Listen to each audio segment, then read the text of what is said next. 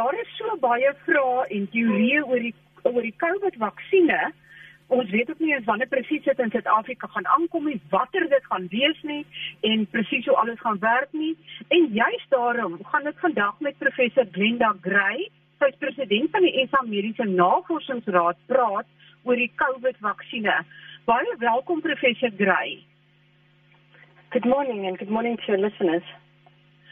Goed, baie welkom. Ek gaan die vrae in Afrikaans vra en as uh, as daar enige onduidelikheid is, dan sal ek dit herhaal in Engels sodat ons dan so 'n bietjie Afrikaans in die program kan inbring. Die eerste Dis vraag goed. is natuurlik professor Gray, hoe werk die vaksines? Want met die ding dat daar 'n viral vector of RNA in die vaksin is, dink baie mense jy gaan nou verander in 'n dinosaurus of jou DNA gaan verander. Maar presies hoe werk die viral vector vaksin? Okay, so that's a good question. So there are different kinds of platforms. The platform with the messenger RNA is a platform that Pfizer and Moderna did for their vaccine. This was a two-dose vaccine and was between um, 90 to 95% effective. So the messenger RNA strategy is that it, it sends a message to the DNA in your body to, to produce proteins that then will induce an immune response. So that is the strategy for the mRNA. So it doesn't um, change your DNA in any way. It just uses um, the strategy to instruct uh, your body cells to produce proteins that will then uh, cause the immune response to respond to the proteins that have been produced. Um, the other the other platforms that have been used is what we call the viral vector approach, and this is what the Ad26 J&J study and the ChAdOx um, study from AstraZeneca that used the chimp adenovirus. So these these two strategies use an adenovirus as the platform to deliver a an immunogen to the immune system. So the immunogen that is used is from the spike protein. The spike protein is on the outermost surface of the virus. So if you see that picture of the coronavirus, you see all those little horns. So um, you take you, you synthesize parts of those horns, you put it into the viral vector, and you give it to the the the person, and this the, then the immune system recognizes these um, spike proteins and produces an immune response to those spike proteins so that if you are exposed or get infected with SARS-CoV-2, um, you will have a better outcome. You will have less disease and less severe disease. There are other there are other strategies um, that use inactivated SARS-CoV-2 as a vaccine, and that's, that's from the Chinese. And then there's also another adeno5 um, viral vector approach, which has been used by the Chinese as well, and also the Russians. The Russians use an Ad26 and an Ad5 pro, um, pro, um, viral vector platform. And then there are other um, strategies, which is Novavax, which use like a nanoparticle formulation. But what is it? What is common for all of these um, uh, COVID vaccine approaches is the use of the spike protein to induce an immune response. And we've been the responses have been pretty um, uh, similar. Um, the the Chinese one was a little bit less effective than the others, but but but um, any any vaccine that's over 50% effective um, um, with good coverage um, will will produce an impact or an, a dent in, into the epidemic. And so we use all these different approaches for a vaccine delivery. And I think the important thing is whatever approach is being used, um, we've, the, the world at a global level has got fairly good responses. Um, we didn't know that any of these vaccine approaches would work, and so we're very excited that these various approaches seem to produce uh, similar results in, in, in efficacy studies. So sal jy om sal jy nie omgee dat enige van die vaksines na Suid-Afrika toe kom nie of is daar een wat jy 'n voorkeur voor het? Well, I think that um, we need to have a probably, given the shortage of vaccines at a global level, we need to have a bouquet or a portfolio of vaccines. And obviously, the the the best vaccine approach would be a single dose vaccine that has minimal um, refrigeration. So that would be your best bet. Um, and obviously, the, the more complex, giving two doses and having vaccines that uh, require minus 70 refrigeration um, could be deployed in areas where there is good um, cold, cold chain storage and good infrastructure. So, in my in my opinion, um, if I was the health minister, I would try and get all the vaccines into the country uh, because we are short um, of doses and we're behind uh, a lot of the other countries in getting doses to our people. So I think that I, at this stage I, I wouldn't have a preference. Um, my only uh, my only preference would be to get volumes of doses into the country. Obviously, and just just just to add, um, any any vaccine that comes into the country should be safe and should be effective. So we do need to see the dossiers. So we can't just import any vaccine willy nilly, whether it's the Sputnik vaccine or the Chinese vaccine. We will need to make sure that um, these vaccines are safe and effective. We will need to look at the data, and our regulatory authorities will need to give us the green light that they think these vaccines are safe and effective. It's no good in importing and spending lots of money on a vaccine that doesn't work or isn't safe. Ja, ek vra die vraag want die SA Kommunistiese Party plaas baie druk op die regering om vaksines van nie-westerse lande te kry nie, soos van China of van Rusland. Yeah, I mean, so I would whatever vaccine is coming, whether it's from the from the from China or Russia or from the United States, I would say that we we need to treat all the vaccines the same, and that we need to have very good scrutiny. We need to be able to look at their dossiers, and we need to have information on their effectiveness. And any any country or any pharmaceutical company that denies access to data, we should not even look at that vaccine.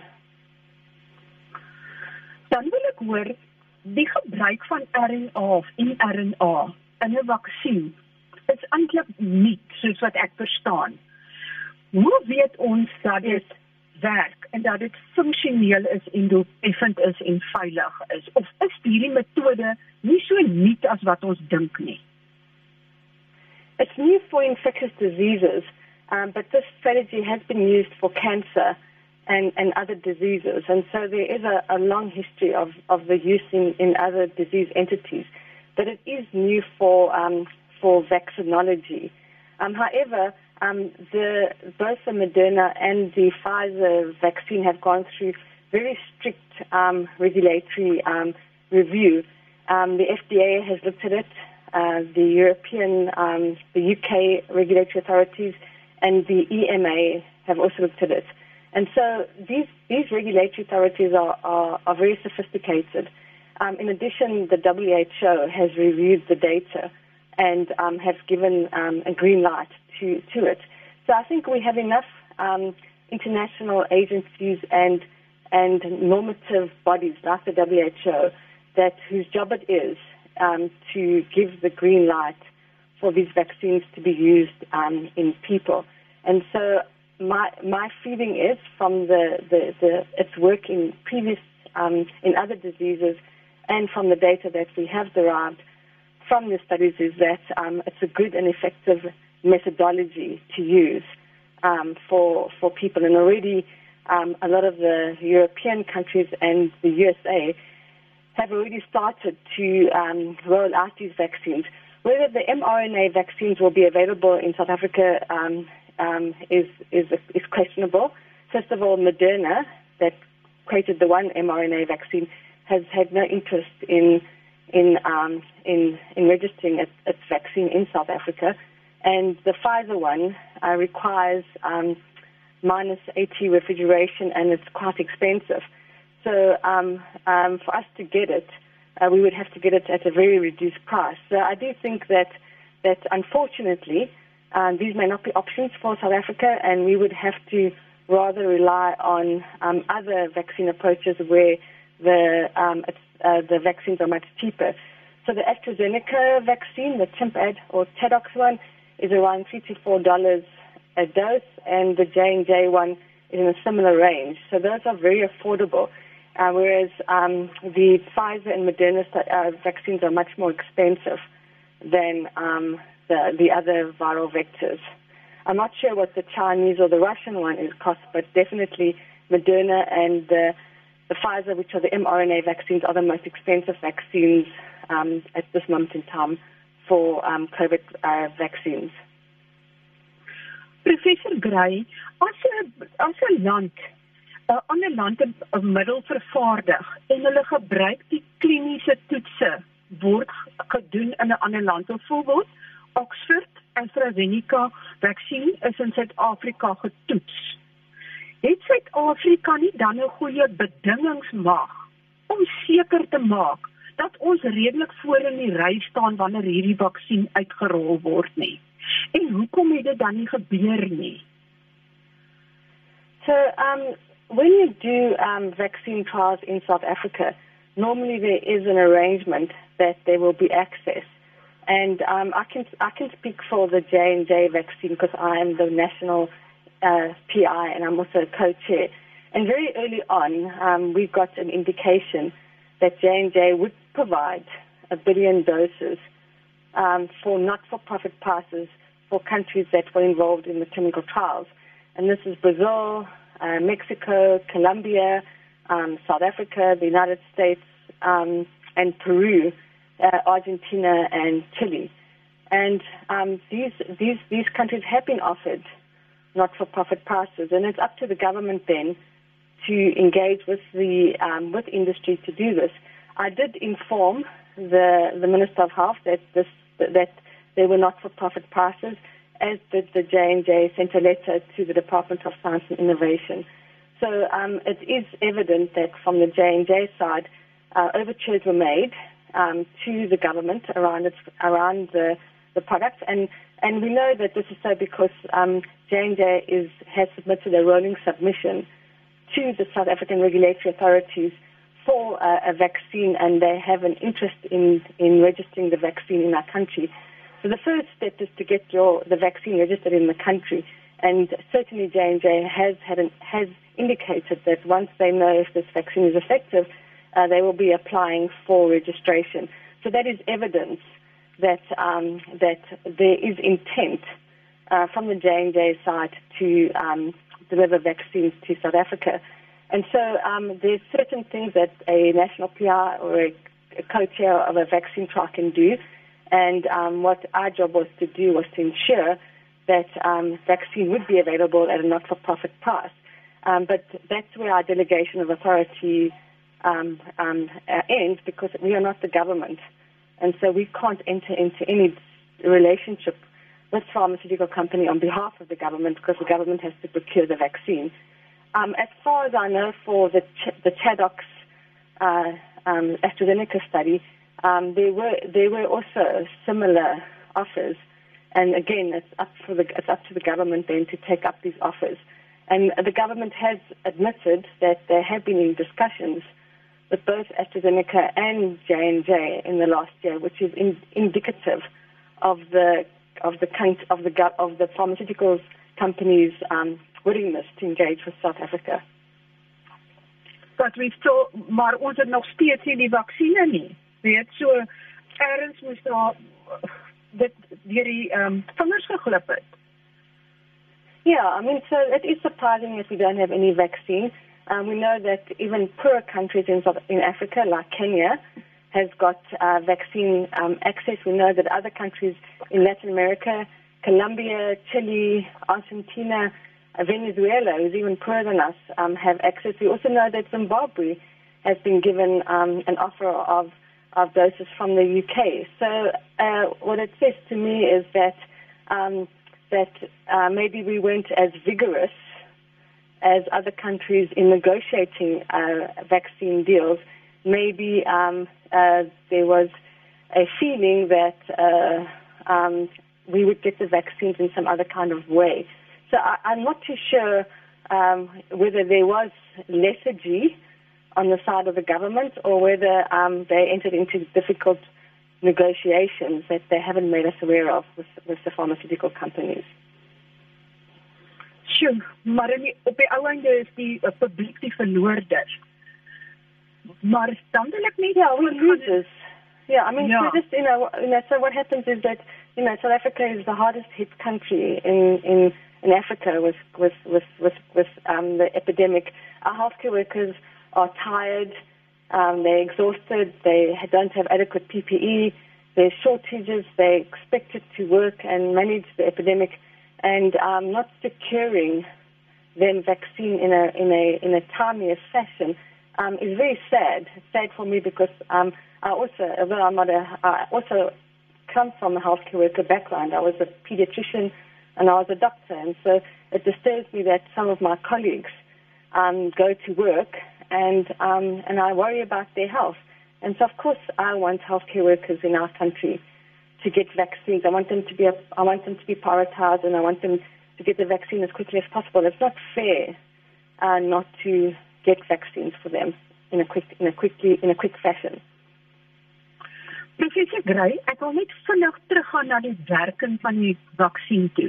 Daar's nou nuwe variante in Suid-Afrika, daar's ook variante in Engeland en in ander lande aangeteken. Uh hoe weet mens dat die uh viral vector of die die proteïen wat gebou gaan word of geaktiveer word waarteen die liggaam moet wat die liggaam moet erken as vreemd hoe weet mens dat daai proteïen nog steeds in die variant uh die regte proteïen is? Of moet mens nou uh, uh, question? Yeah, so that's an important question. And so we are in a very um, lucky position or unlucky position to be able to study that. So when we rolled out the J&J vaccine trial in South Africa and Latin America and the United States, the new circulating strain was was was, um, was circulating in South Africa, and so we will be able to compare vaccine efficacy across the different regions. We'll be able to see whether there is a diminish whether the vaccine efficiency is diminished um, in South Africa as compared to USA and America, so um, um, and Latin America. So that's the first thing we'll be able to compare. The second thing is that every breakthrough infection that we have on a vaccine trial, we sequence the virus to see what's happened and what the breakthrough infection looks like. What is the what does the virus look like?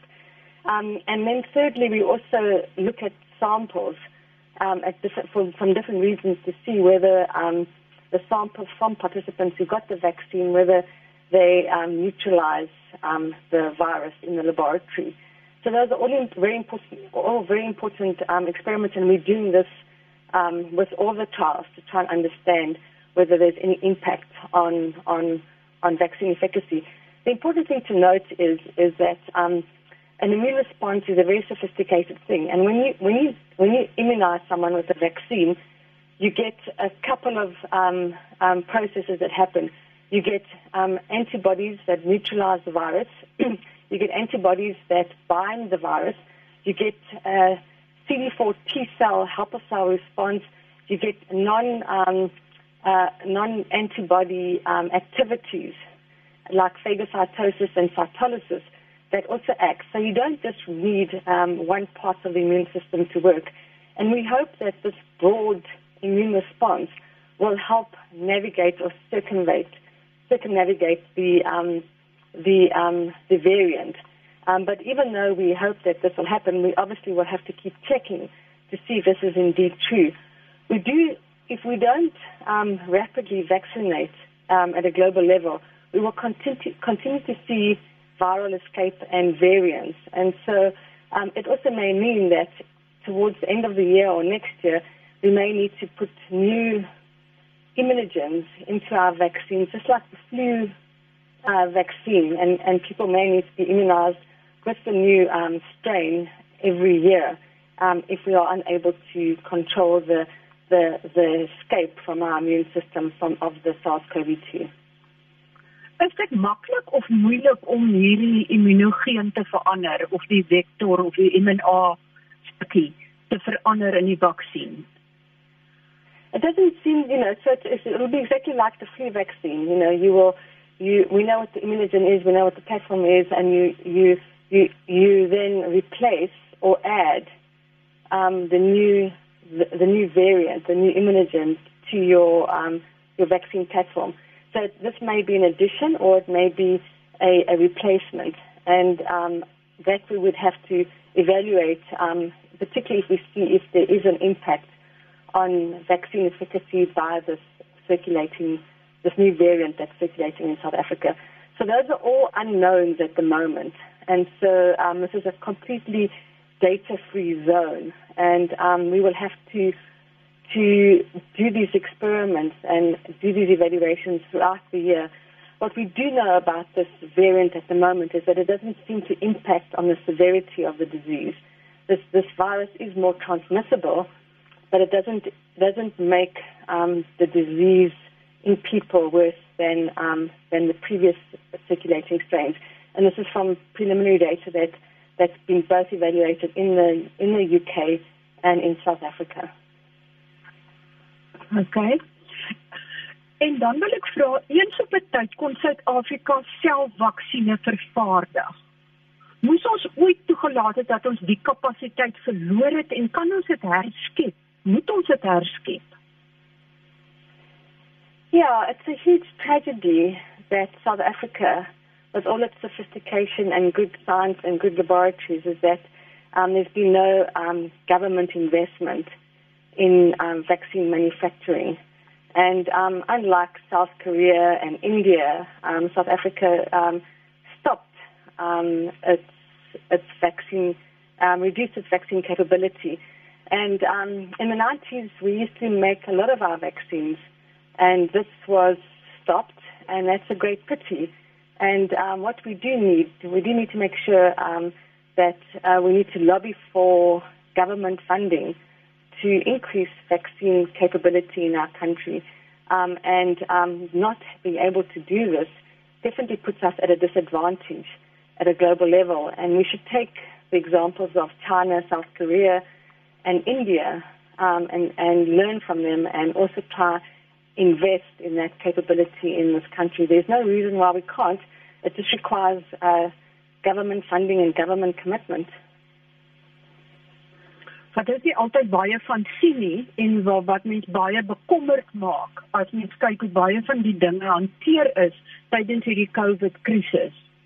Professor Gray, wat sou jy sê vir mense wat nou nog steeds sê o nee, dit is Bill Gates wat 'n microchip in jou wil plant of dit is 5G uh conspiracy theories of vaksines eintlik glad nie so goed as wat mense dit uitmaak om te wees nie sal jy self die vaksin ontvang en wat wat sê mens vir oor al die teorieë wat teen vaksines is?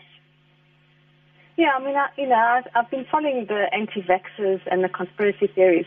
So first of all, I want to say that I was part of the experimental uh, ChAdOx vaccine trial. So I decided to volunteer into the experimental vaccine trial in um, last year, and so I was part of that. And so, and, and a lot of scientists, friends of mine, also took part of in vaccine trials to demonstrate that scientists themselves will, will be part of the clinical trials. So I think that's the first thing.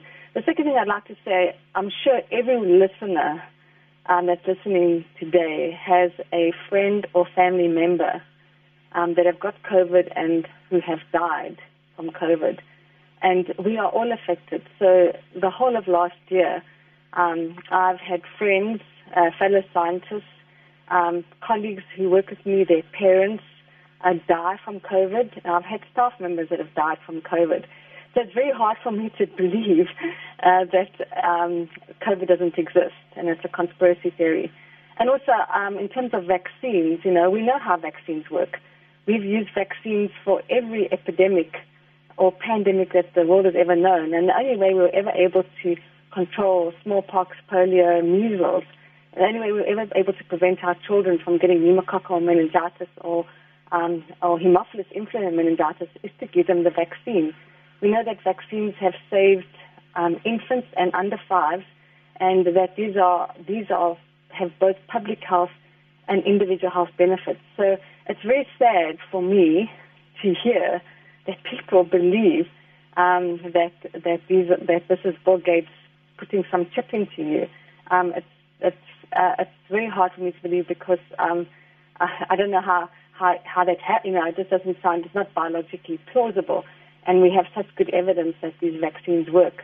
And so um, I would hope that the people um, who are, you know, who are conspiracy theorists or, or anti-vaxxers, you know, take a look and see that they and their children and their children's children um, for years to come will be protected by these biomedical interventions called a vaccine.